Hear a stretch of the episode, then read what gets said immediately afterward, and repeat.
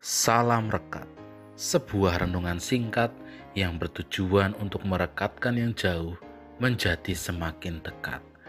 Rekat hari Rabu 14 April 2021 diberi judul Ingat akan nama Tuhan. Rekat hari ini dilandasi firman Tuhan dari Mazmur 135. Ayat nats hari ini diambil dari ayat 13.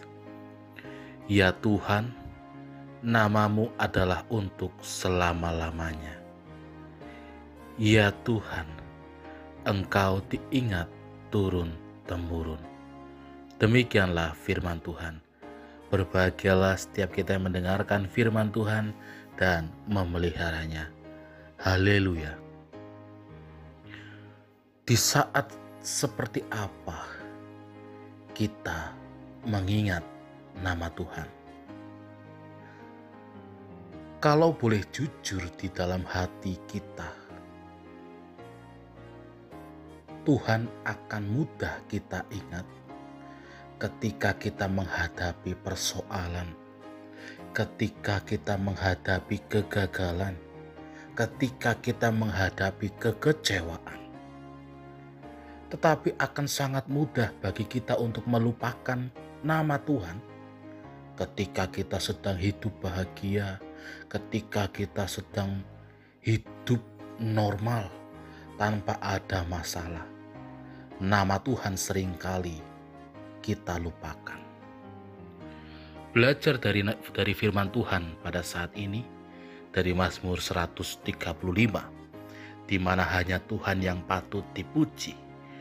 Firman Tuhan saat ini mengingatkan bahwa nama Tuhan untuk selama-lamanya dan nama Tuhan yang diingat turun-temurun.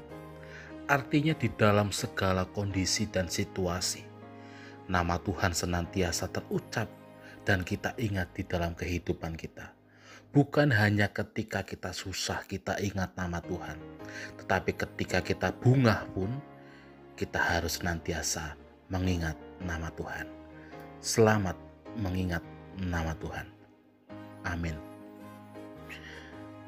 Kami mau senantiasa mengingat nama Tuhan dan memasyurkan nama Tuhan di dalam segala situasi kehidupan kami. Amin.